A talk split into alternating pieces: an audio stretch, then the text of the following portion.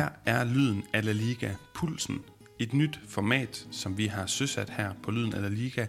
Pulsen bliver et format, hvor man simpelthen bare kan snakke om ja, alting lige fra hoften. Øh, vi tager pulsen på noget, vi synes, der lige skal vendes her, og som ikke passer ind i nogle af de andre formater på den her podcast, Lyden eller Liga. Og i dag, der skal det handle om efteråret eller halvsæsonshold, for der er faktisk spillet 19 kampe, i hvert fald for nogle af holdene. Og derfor har jeg min vanlige medvært, Jonas Knudsen, med. Og Jonas, inden vi går i gang med at sætte det her, som jo altid er en sjov leg, efterårets eller halvsæsons hold, så skal vi lige have øh, defineret den her præmis. Kan du ikke lige rise nogle af de ting op, som vi er, vi er blevet enige om, vi skal inkludere?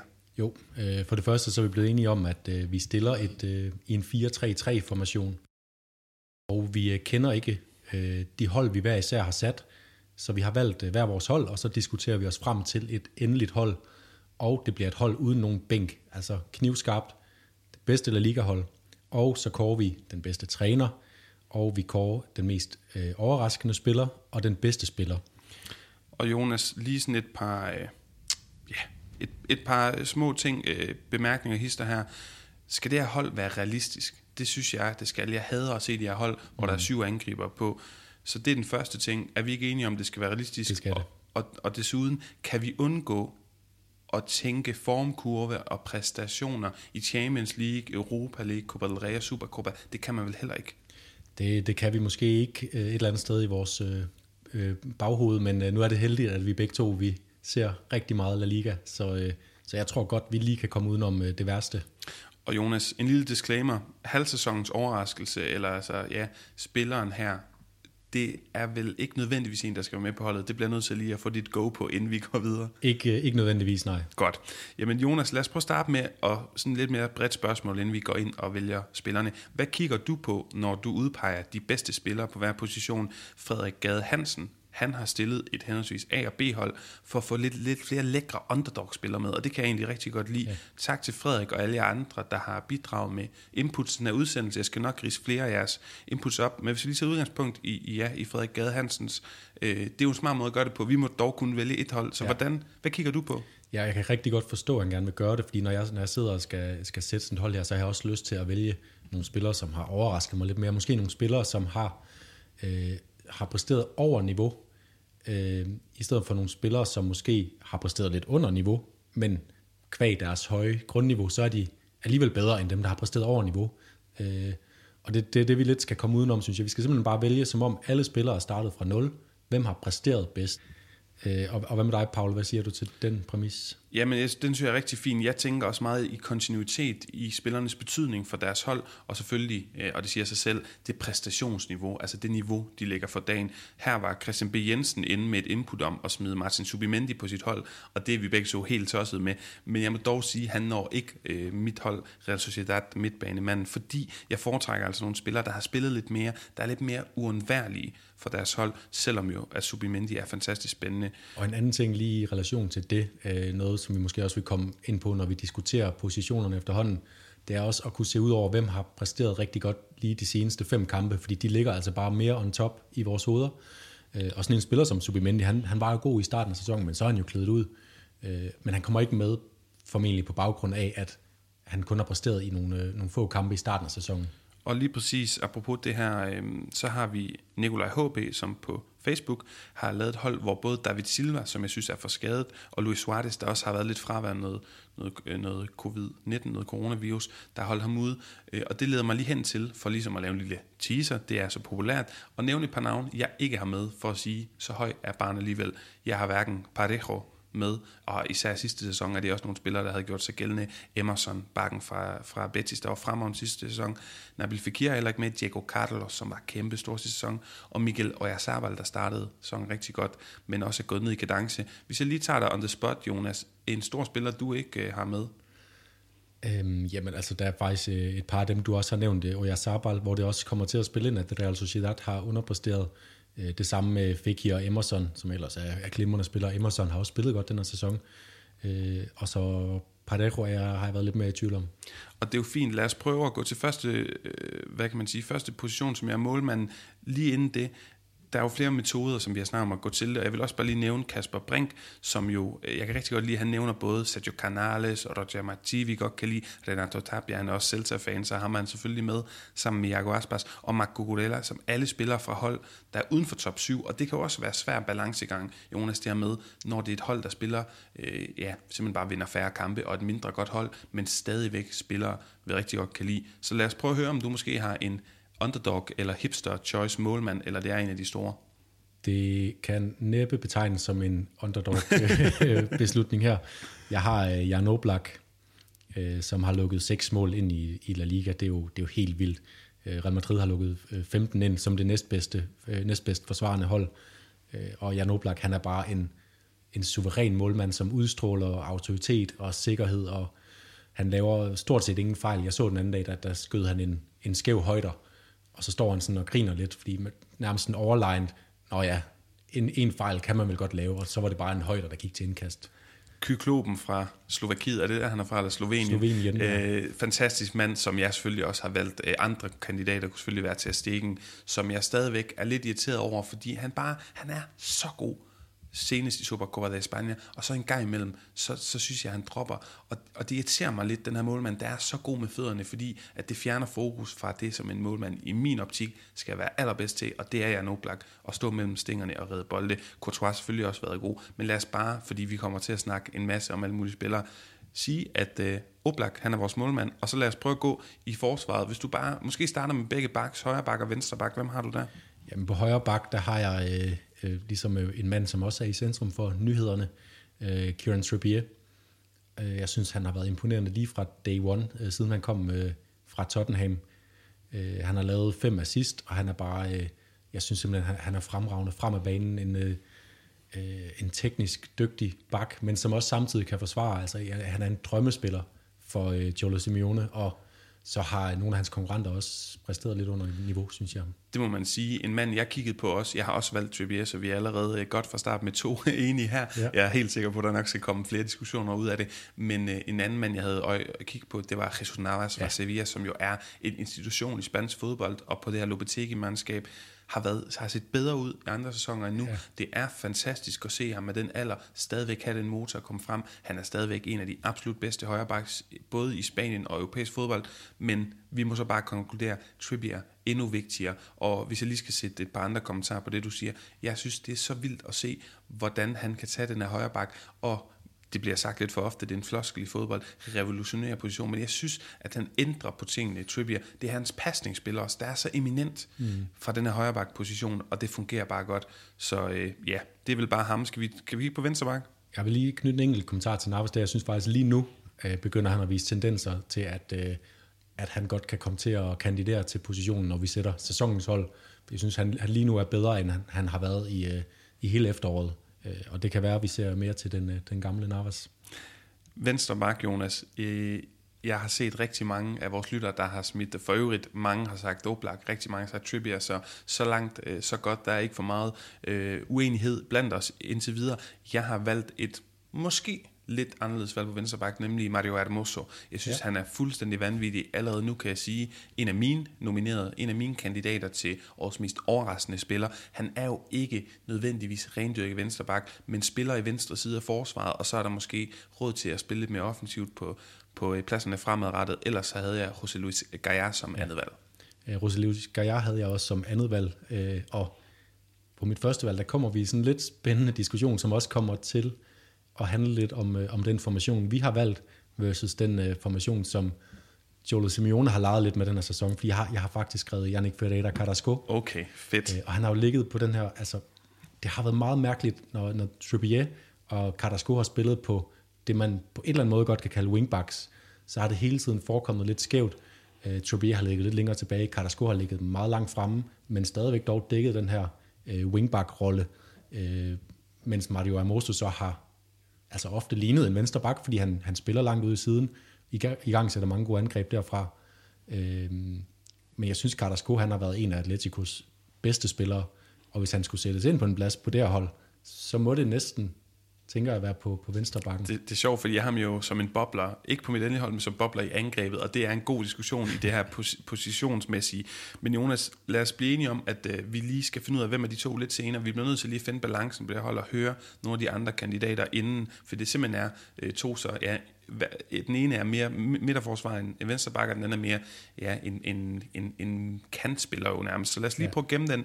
Hvis du bare lige hurtigt skal sige, hvem er dine to midterforsvar? Fordi jeg tror, vi er enige om i hvert fald en af dem, og så kan, så kan jeg tage den ene, så kan du tage den anden. Jamen, jeg har valgt øh, Jules Koundé fra Sevilla, som er, er trådt ud af skyggen fra sin øh, øh, forsvarspartner øh, Diego Carlos, mm. og så har jeg valgt Pau Torres Ja, fra og det, Villarreal. var, og det var det, jeg tænkte, for jeg har nemlig lige præcis begge to. Øh, og så kan jeg jo egentlig bare spørge dig, hvem har du mest lyst til at forsvare de to, så kan jeg tage den anden. Øh, jeg har nok mest lyst til at forsvare Pau Torres, øh, også fordi jeg synes, han er, han er, det, han er det mest oplagte valg, synes jeg. Han, han har været den bedste midterforsvar i La Liga, og det har han, øh, han har også fået, øh, fået landskampe, og han har virkelig haft en kometkarriere her øh, sidste sæson, især den her sæson. Han, øh, han, er, han er den bedste pasningsspiller ud af forsvaret, øh, og han er også bedre end nogle af FC Barcelonas øh, midterforsvar, som ellers excellerer i den disciplin. Han, han, kan, han, han laver så mange gode beslutninger, og han tager risiko øh, i sit afleveringsspil. Han, han laver de her afleveringer, der bryder op igennem banen, og samtidig så er han bare en solid øh, forsvarsspiller. Det er meget imponerende. Og exceptionelt mange af de prædikater, du lige har sat på ham, kan man jo sætte på franskmanden Jules Koundé, som vi er enige om, mm. øh, på højre side af midterforsvaret. Øh, Pau Torres har jeg også fulgt øh, i Malaga, tilbage i Malaga-dagene, hvor han også bare var sindssygt dygtig, og han er bare en spændende mand, som du siger, har alle de her lækre ting, men er også bare en klassisk forsvarsspiller, der er god i hovedspillet, duel stærk, hurtig, øh, ja, fysisk stor og så videre. Jules Koundé, lidt af det samme, men jo også øh, noget af det her lidt specielle i hans spil. Nogle gange så går han jo simpelthen op og leger sådan lidt højere bakken gang imellem, fordi Jesus Navas, han er stukket afsted. Men Jules Koundé var jo, øh, både ham og Diego Carlos kom jo fra fransk fodbold i sommeren 19, altså forud for, for forrige sæson, ind, nogle af de her klassiske Monchi-handler, og, og det var jo Diego Carlos, den her store, bumstærke brasilianer, som i starten fangede rigtig mange mm. opmærksomhed, men har senere vist sig at have nogle større mangler, er også lidt ældre, har nogle større mangler i sit spil, noget koncentrationsbesvær.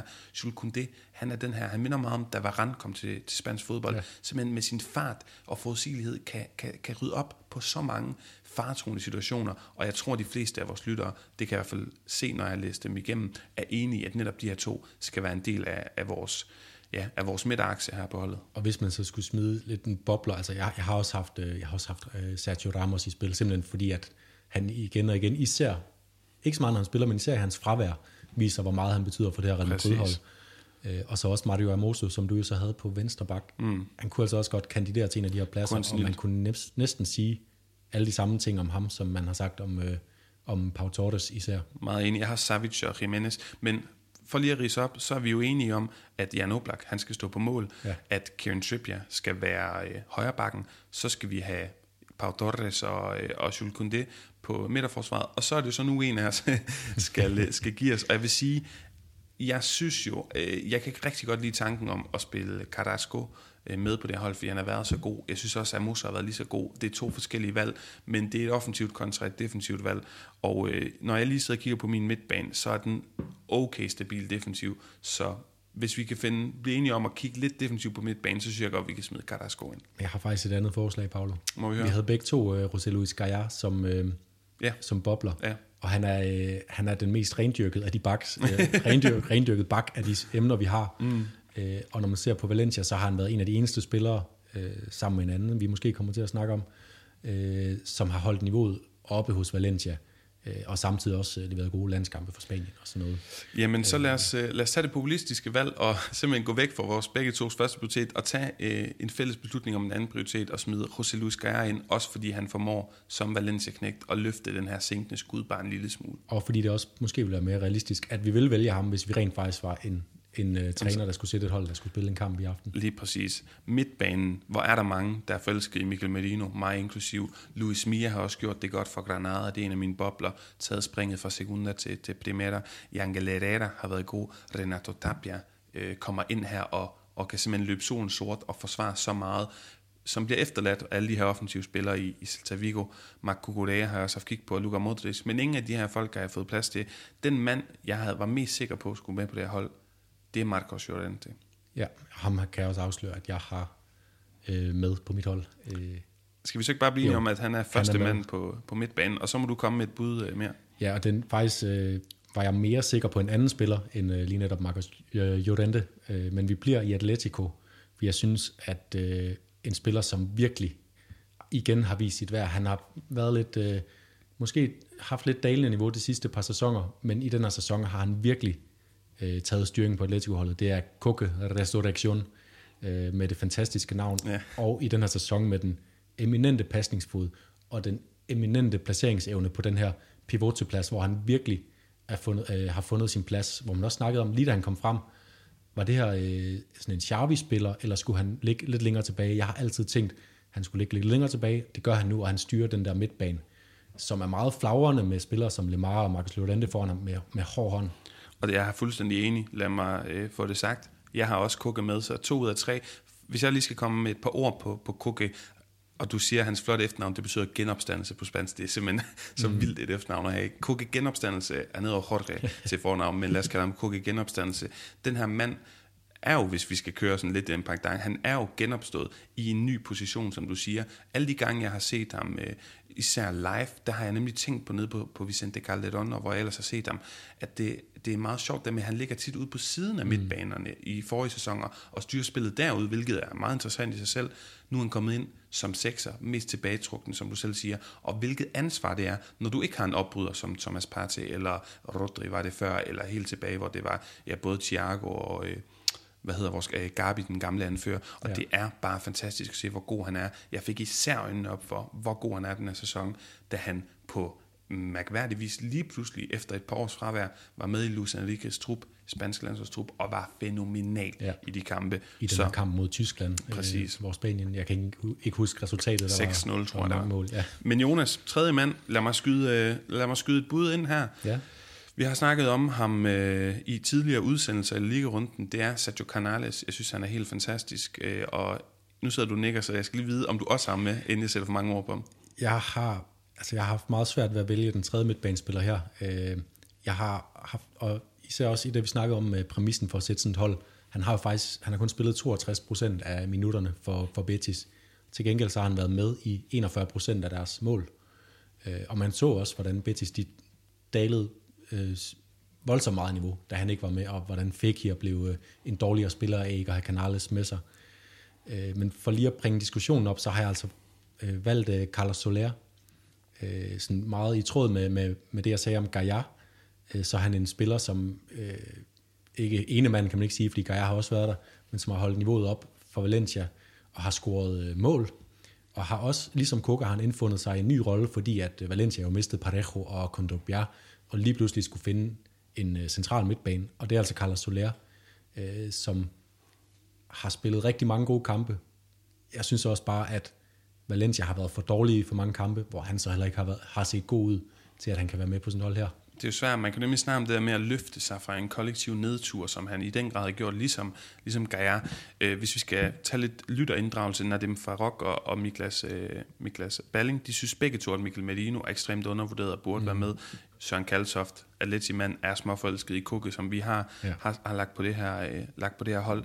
Så hvis vi skal komme med en tredje mand, så vil jeg sige, at, at jeg, jeg synes, Canales øh, er, er et, ja, selvfølgelig mit bud, men hvis jeg skulle gå videre og sige, okay, det er ikke Canales, så før Soler, så vil jeg faktisk øh, pege på Mikel Medino. Ja.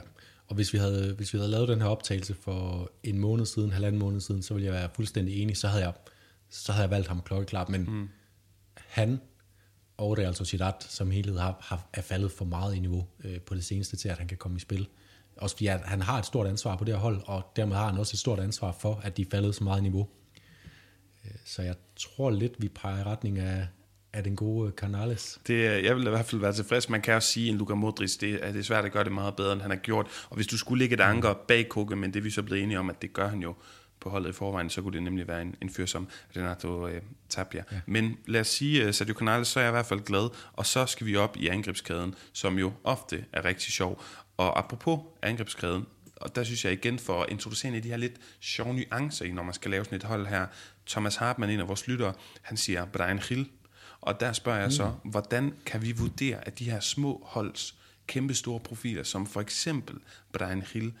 Altså, Brian Hill er jo ikke en bedre fodboldspiller end, lad os bare sige, Karim Benzema for eksempel, eller Michael Oyarzabal, men han formår at stråle på et ikke super strålende hold, så hvordan sikrer man sig det?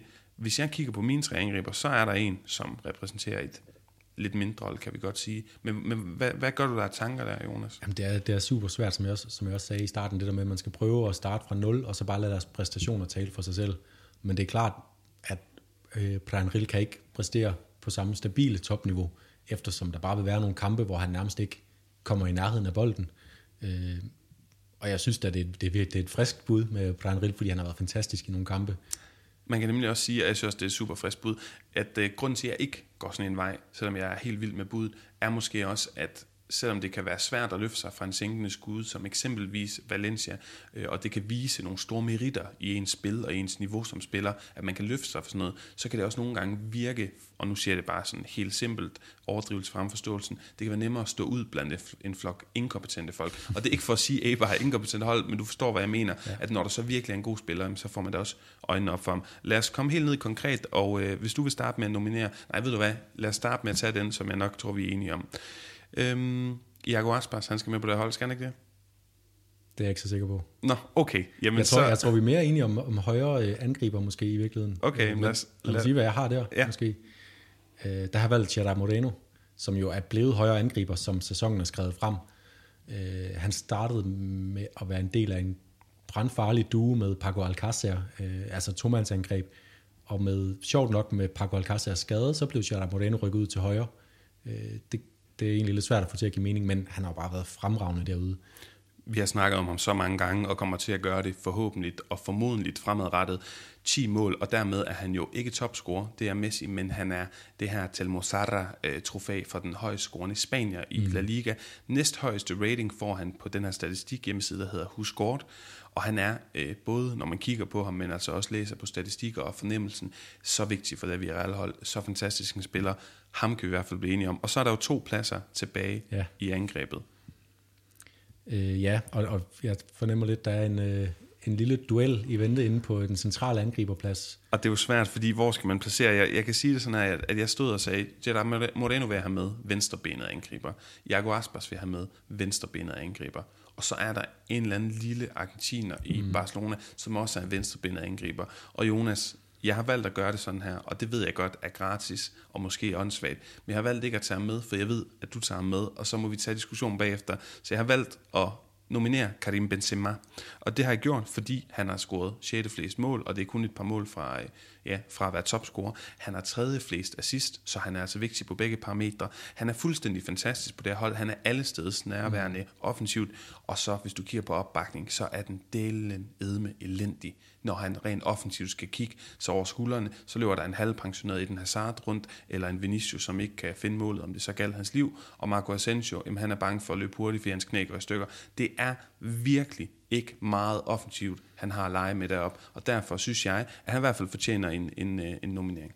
Ja, og jeg, jeg, jeg, jeg kan godt forstå, hvor du er hen. Jeg har også haft Benzema inde i mine, mine tanker, men jeg synes, at lige præcis den her halvsæson, der har han trods alt heller ikke formået at løfte det Real Madrid-angreb, som han gjorde i sidste sæson, især efter, øh, efter corona-genåbningen, øh, hvor han virkelig bar det her Real Madrid-hold på sine skuldre. Øh, det har, det har han ikke formået at løfte spillerne omkring sig, og det synes jeg også er et af de ansvar, han har som en aldrende øh, verdensstjerne-profil øh, for Real Madrid, og noget af det, han har været god til tidligere. Så derfor har jeg faktisk ikke haft, øh, haft noteret ham. Øh, det, jeg har noteret til gengæld i midterangriberen der, det er Luis Suarez.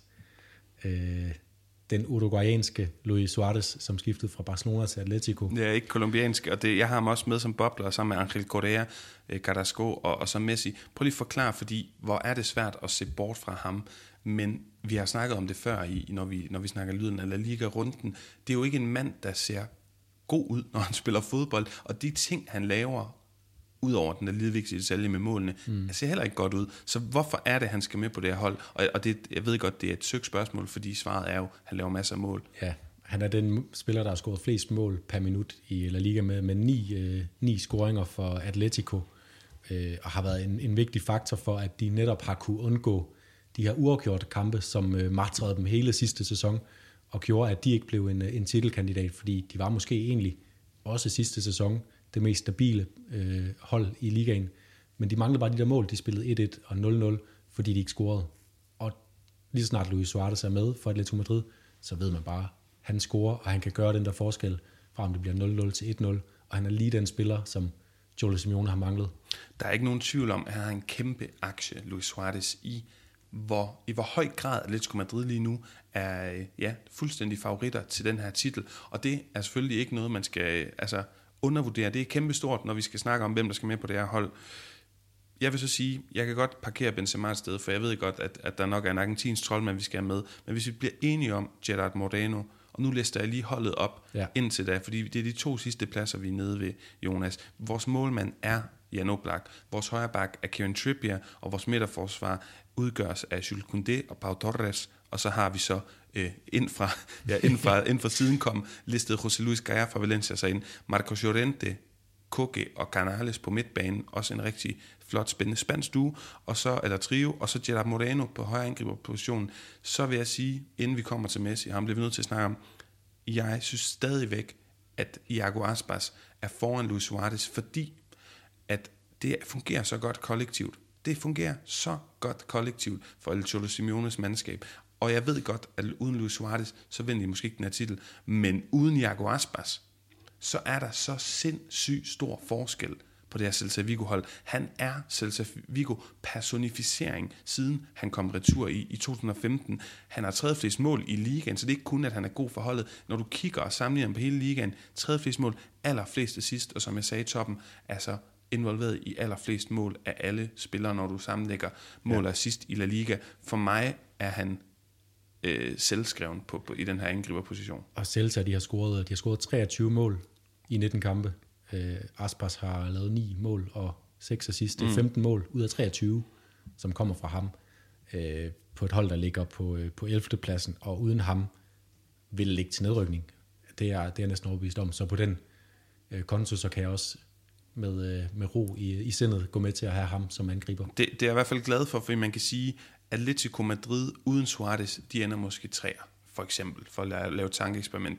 Celta Vigo kan ende 10 eller et eller andet med Iago Aspas. Uden ham, der rykker de sten sikkert ned. Ja. Og lad os så tage ham, som ikke hverken kommer i, ja, i nedrykning eller noget som eller andet far. Øh, det kunne være, at Barcelona også vil tage enorme kvantespring nedad, hvis ikke ham her var med. Venstrebenet angriber igen i, øh, hvad hedder det, Lionel Messi, jeg selvfølgelig, vi skal snakke om. Og jeg ved godt, det kan lyde banalt, men lad os nu lige snakke om, hvorfor han er en god fodboldspiller.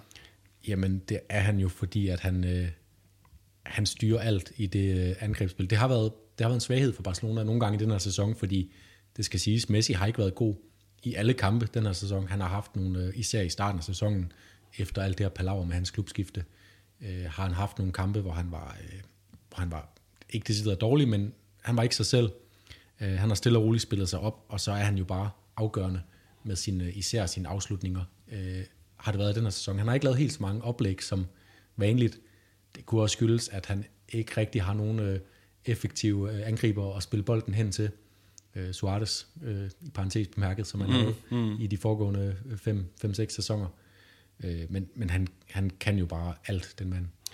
Ja, og jeg er jo også blevet, øh, jeg kan også godt se, at det er lidt vildt at, at, at skulle sige, at, at Karim Benzema er vigtigere end Lionel Messi. Og jeg vil også godt gå med til at give Lionel Messi sidste, sidste plads på det her hold og, og, og få afsluttet den her angrebs den, den her trio. Problemet er, at du har tre venstrebenede angriber, så jeg ja. ved ikke lige, men det må være noget med Messi, han lægger sig ned på en 10'er-position øh, i det her meget hypotetiske, utopiske Og så har vi jo spil. Marcus Llorente, som kommer drønende fra alle tænkelige og utænkelige vinkler og, øh, og lige, blander sig i boksen. Lige, lige præcis. Men for at opsummere det her hold, øh, Jonas, Jan Oblak, Kevin Trippier, Jules Koundé, Pau Torres, eh, José Luis Gaya, Marcos Llorente, Coque, Canales, Gerard Moreno, Iago Aspas og Lionel Messi. Og så skal vi lige til et par kategorier. Luis, llámame por favor. Venga, estoy preocupado. Adiós, guapo. Jonas, vi blev enige om, at øh, nu har vi stillet det her relativt kompetente hold, at vi også lige skal have et par, et par kategorier med. Vi skal selvfølgelig have udpeget en træner til efterårssæsonens eller halvsæsonens hold. Udover det, jamen, så snakker vi om det her med den bedste spiller i La Liga so far, og den mest overraskende spiller. Og jeg kunne egentlig godt tænke mig igen for at gøre det simpelt for os, for jeg tror, vi er enige om, at den bedste træner er vel Don Diego Pablo Simeone. Ja. Og, det kan der ikke være så meget tvivl om. Og hvis nu jeg lige tager et par andre, der har gjort sig godt bemærket der, så kan du få lov at fortælle lidt om, hvorfor det netop, netop skal være Simeone. Men altså, på min blog har der også været Diego Martinez fra Granada. Jeg synes også, at Lopetegi fortjener en, i hvert fald om ikke andet, hvor de ligger øh, placeringsmæssigt Sevilla, en, en hyldest for det, og han var jo også rigtig god øh, i fjor og skaffede dem den her fjerdeplads. Og så Alvaro Cervera rykker op og simpelthen gør det så vanvittigt godt og overraskende mod alles forventninger med et Cardis mandskab, som ikke ser frygtelig sexet ud. Og vi havde så mange tvivlsspørgsmål omkring det her hold. Kunne Alvaro Negredo stadigvæk? Så mange af de her sekunda-spillere, kan de tage deres spil og, og gøre det i Liga? Det må man sige, de kunne. Men stadigvæk er Simeone jo langt, langt øh, over dem, ikke?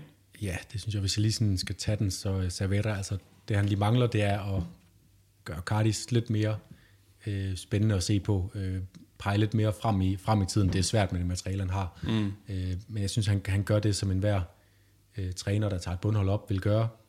Øh, solid organisation. Øh, Lopetegi, jeg synes, Sevilla skulle være højere op i, øh, i tabellen, hvis han skulle øh, kandidere.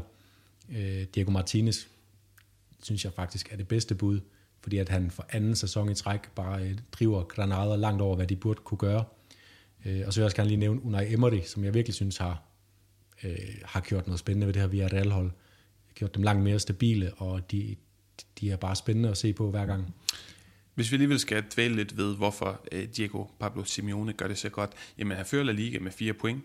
Der er to kampe i hånden, det vil sige potentielt 10 point, de kan føre ned til Real mm. Madrid og Barcelona. I mange år har man snakket om ham som en undervurderet træner, og han har taget Atletico Madrid til et helt helt nyt niveau. Nu er de blevet redefineret som en europæisk storklub, og blandt de 5-8 bedste hold i Europa, når man kigger på, hvordan de klarer sig i Champions League, men i La Liga er det længe siden, at de har været kompetente. Desuden, rent taktisk, han har genopfundet Mario Hermoso, som vi har snakket om. Marco Llorente er også blevet en helt ny spiller, øh, lå mere og, og imponeret som defensiv midtbanespiller tidligere kan jeg. Nu er han overalt, og Janik Fede Carrasco. Så der er flere ting, der peger i hans retning. Ja, og, og det er jo det, at alene det, at Atletico Madrid har kun lukket seks mål ind, det vil ikke have gjort ham selvskrevet til, til den her post i, øh, i de foregående sæsoner, fordi det er vi vant til, og det ved vi, han kan. Men han har, som du siger, redefineret Atletico Madrid. De er blevet boldførende hold, et dygtigt angribende hold, samtidig med, at de stadigvæk bare lukker af bag til. Så jeg synes, han har virkelig taget nogle skridt med det her Atletico-hold, som man ikke havde regnet med den her sæson. Og Jonas, nu siger du, at Simeone har taget nogle skridt, som man ikke havde regnet med, han ville tage den her sæson. Måske kan man ikke sige det samme, når vi skal hvad hedder det, nominere halvsæson eller efterårets spiller, fordi dem, jeg har skrevet på, er i hvert fald nogle oplagte kandidater, blandt andet Kukke og Jeddah Moreno. Jeg vil ikke sige, hvem jeg har givet den til nu. Øh, hvem har du ellers? Jeg har stående øh, her i mit notesark bedste spiller i efterårssæsonen, Gerard Moreno, skråstrej Kukke. Som dine to kandidater? Som mine to kandidater. Okay, men så må jeg ellers sige, øh, inden vi bliver enige, at, at den, jeg har valgt at pege på, er Jago Aspas. De seneste 21 kampe, Celta Vigo har spillet uden ham. 14 nederlag, 6 uger gjorde det. Blot en enkelt sejr. Som, som vi snakkede om tidligere, flest mål og oplæg i La Liga. Han har reddet dem fra, øh, fra nedrykning flere sæsoner i streg nu. Hvad er dit argument, ikke at jeg ikke kan følge det, for øh, hvem af de to, du, du vil vælge at pege på, altså Kukke eller Jeddah Moreno? Jeg vælger at pege på Kukke, og, og lidt af samme årsag, som, øh, som vi pegede på Jolo, at han har rykket sit spil øh, på en måde, som man måske ikke lige havde set komme øh, lige præcis den her sæson, at lige pludselig, så er blevet den her, øh, som vi har snakket om, da vi satte holdet, øh, fantastiske balancespiller, den bedste pivote i ligaen lige nu, øh, samtidig med, at han stadigvæk er den gode gamle kukke, som bare har en øh, sikker pasningsfod og kan, kan tænke frem i banen. Øh, og så synes jeg, han har været den største profil på det bedste hold, øh, ham der binder det sammen, øh, så, så derfor synes jeg, det peger på ham. Jeg synes, det, det er fedt, Jonas, hvis man lige hæfter sig ved, at, at de her kandidater, vi sidder og snakker om, at det ikke er en Lionel Messi, selvom man har været super god, en Luis Suarez, som, øh, som også har været god, men man måske i højere grad vil snakket om øh, tidligere, Luka Modric, Karim mm. Benzema, alle de her store stjerner, en Joao Felix, der lignede, at han ville gå klokkeklart ind som nummer et tidligere ja. på sæsonen i forhold til den her pris. Så mega fedt, at vi kan blive enige om, at det måske også er nogle af de her andre typer, som imponerer os Iago Aspas var mit valg, Gerard Moreno, fantastisk spiller, men jeg synes, vi skal den til Kukke også, fordi han har ikke mulighed for, på samme heroiske måde som en målmand eller forsvarsspiller, at stå ud dernede i den ende af banen. Og det er heller ikke, fordi han bonger ud med så mange mål og oplæg. Han er bare fuldstændig instrumental for måden, at La Ligas førerhold og klart bedste fodboldhold lige nu spiller på. Så lad os... Og han er det hver gang, hver gang de spiller. Præcis. Lad os gå Kukke. Og så den aller sidste pris, der skal udgives efterårssæsonen slash halvsæsonens mest overraskende spiller. Jeg har skrevet Luis Suarez ned som et bud. Jeg har skrevet Mario Hermoso ned. Jeg har også skrevet øh, Renato Tapia ned. Jeg synes også, Luis Mia har imponeret mig. Men det er alligevel en anden fyr, som jeg måske tror, du også har. Jeg har valgt, men lad os lige høre, øh, lad os lige høre din inden. Jamen, øh, hvis jeg lige skal komme omkring nogen, som jeg ikke har valgt, men som også har været i, min, i mine tanker, så er det øh, Miki Malsa fra øh, Levante, som kommer fra Segunda Division og går direkte ind og forstærker Levantes midtbane på en spændende måde. Så er det Josef Nesiri, han er kommet lidt ind her til sidst, men jeg havde, jeg havde og ligner faktisk nu en spiller, der kan blive Sevillas angriber øh, kommende sæson, øh, som, øh, som fast element i deres opstilling. Øh, men det er måske også igen, det, det er kun lige for nylig, han for alvor begyndt at præstere. Mm. Øhm, og så faktisk uh, Ronald Araujo fra FC Barcelona, mm. som virkelig er blevet kastet for løverne. Mm. Men jeg synes, han har håndteret en nærmest uoverskuelig opgave med, med stort, uh, stort mandsmod, og også øh, med dygtigt forsvarsspil. Selvom at FC Barcelonas forsvarsspil tit har set sejlende ud, så synes jeg ikke, det er ham, man kan, man kan skyde skylden på for det.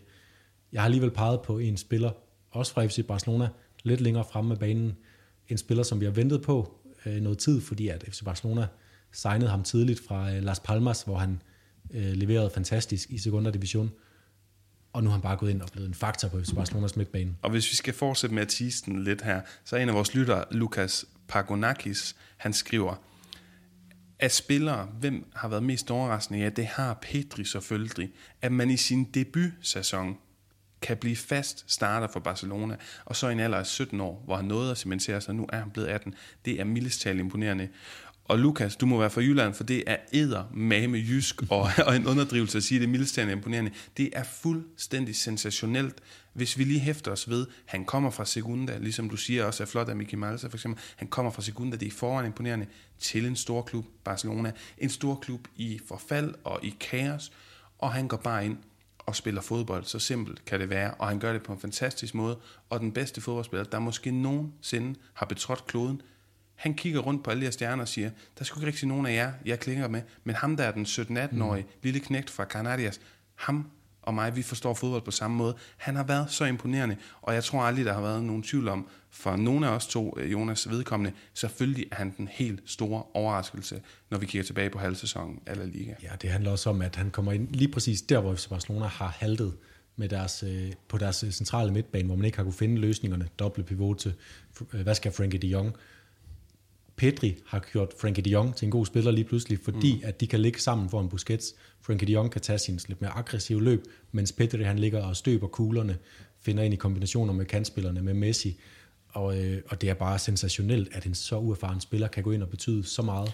Jeg prøver lige smag på det. Pedri, den her unge fyr, der ikke har kostet meget mere end et lille tag i lommen, har gjort Frankie de Jong som kostede en halv milliard kroner en bedre spiller. Det er på en eller anden måde en fin måde at opsummere det på. En anden lytter, øh, vores virale guru, Patrick Hofsonne, han skriver, Røde Jens, altså Jens Jønsson, mm. er det for dansk og brillagtigt? Det tror jeg måske, det er, men jeg kan, ja. jeg kan godt lide det. Og hvis vi skal være ærlige, er han også i en kæmpe overraskelse. Ikke kun med dansk brillen, men generelt i, øh, i La Liga. Han er en stor overraskelse, men i kraft af, at han spiller sig ind på et hold, og han er trods alt ikke den eneste, der har spillet sig ind på et hold øh, i den her sæson. Det er der, det er der også andre, der har gjort. Så jeg tror, øh, det er danskerbrillen, der peger på Jønsson. Og Jonas, vi skal til at runde af. Vi er blevet færdige. Hvis jeg opsummerer det hold, vi har stillet, så kan du jo fortælle, hvilke folk, der er løbet med de prestigefyldte kategorier. Jan Oblak, han er vores målmand. Øh, Kieran Trippier, Jules Koundé, Pau Torres og José Luis Gaia øh, danner bagkæden. Så har vi Marco Llorente, Koke og Canales på midtbanen. Gerard Moreno, og så tror jeg, vi blev enige om Lionel Messi og Iago Aspas. Ja. Tre øh, surdos hedder det på spansk, tre venstrebenet, men det må på en eller anden måde fungere. Og så havde vi øh, som træner for det her fantastiske hold, øh, Jolo Simeone, øh, den bedste spiller. Øh, han er også at finde på vores hold selvfølgelig, på central midtbane, binder det hele sammen. Koke, Resurrection. Og den mest overraskende spiller finder vi i FC Barcelona i form af Pedri. Jeg kunne godt tænke mig lige et afsluttende spørgsmål til dig, Paolo. Mm. Hvorfor er Pedri ikke på vores efterårshold? Ja, og det er jo et godt spørgsmål. Jeg synes, han har været sindssygt god i forhold til forventninger. Men jeg synes ikke, han har været en bedre spiller end øh, Koke, end Marco Llorente der for det her hold. Og så kan man sige, ja, Sergio Canales er det tynde øl på, øh, på den her midtbane. Han er i hvert fald det kan man sige, tredje prioriteten i, i min optik. Men Pedri kan ikke komme ind på den her midtbane, for jeg tror ikke, Pedri vil kunne lave de her underværker i Real Betis. Og jeg synes, det er flot, at Sergio Canales, han løfter det her Real Betis hold, der er lidt uforløst så meget.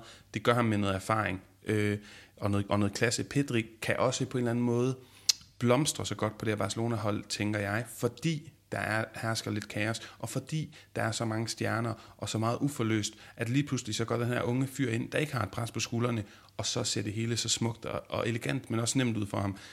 Det er i hvert fald min, men altså jo, selvfølgelig kunne man da sætte ham på holdet. Det ville jo i hvert fald ikke være, være skandaløst. Og jeg tænker også, at det har lidt at gøre med, at han kommer jo relativt sent ind og er øh, en, et fast holdepunkt. Det er ikke sådan, at han øh, fra starten af sæsonen har nogle forventninger på sine skuldre, ligesom Canales for eksempel, og så bare bærer dem. Han kommer ind som sådan øh, netop overraskelse, som vi har kåret ham som, og øh, er nu et fast element i FC Barcelona i mange år fremover, er jeg sikker på. Det tænker jeg nemlig også. Og med de ord, Jens, eller Jonas, så blev vi færdige med første episode af Lyden af La Liga, Pulsen. Det er altså det her format, hvor vi lige tager pulsen på en form for temasnak eller noget, der skal vendes lidt mere ned i detaljen. Og det var altså i den her omgang i forbindelse med, at øh, de fleste hold har spillet halvdelen af deres ligakampe, og derfor skulle der selvfølgelig kores et hold sofa eller Liga. Tak fordi I lyttede med.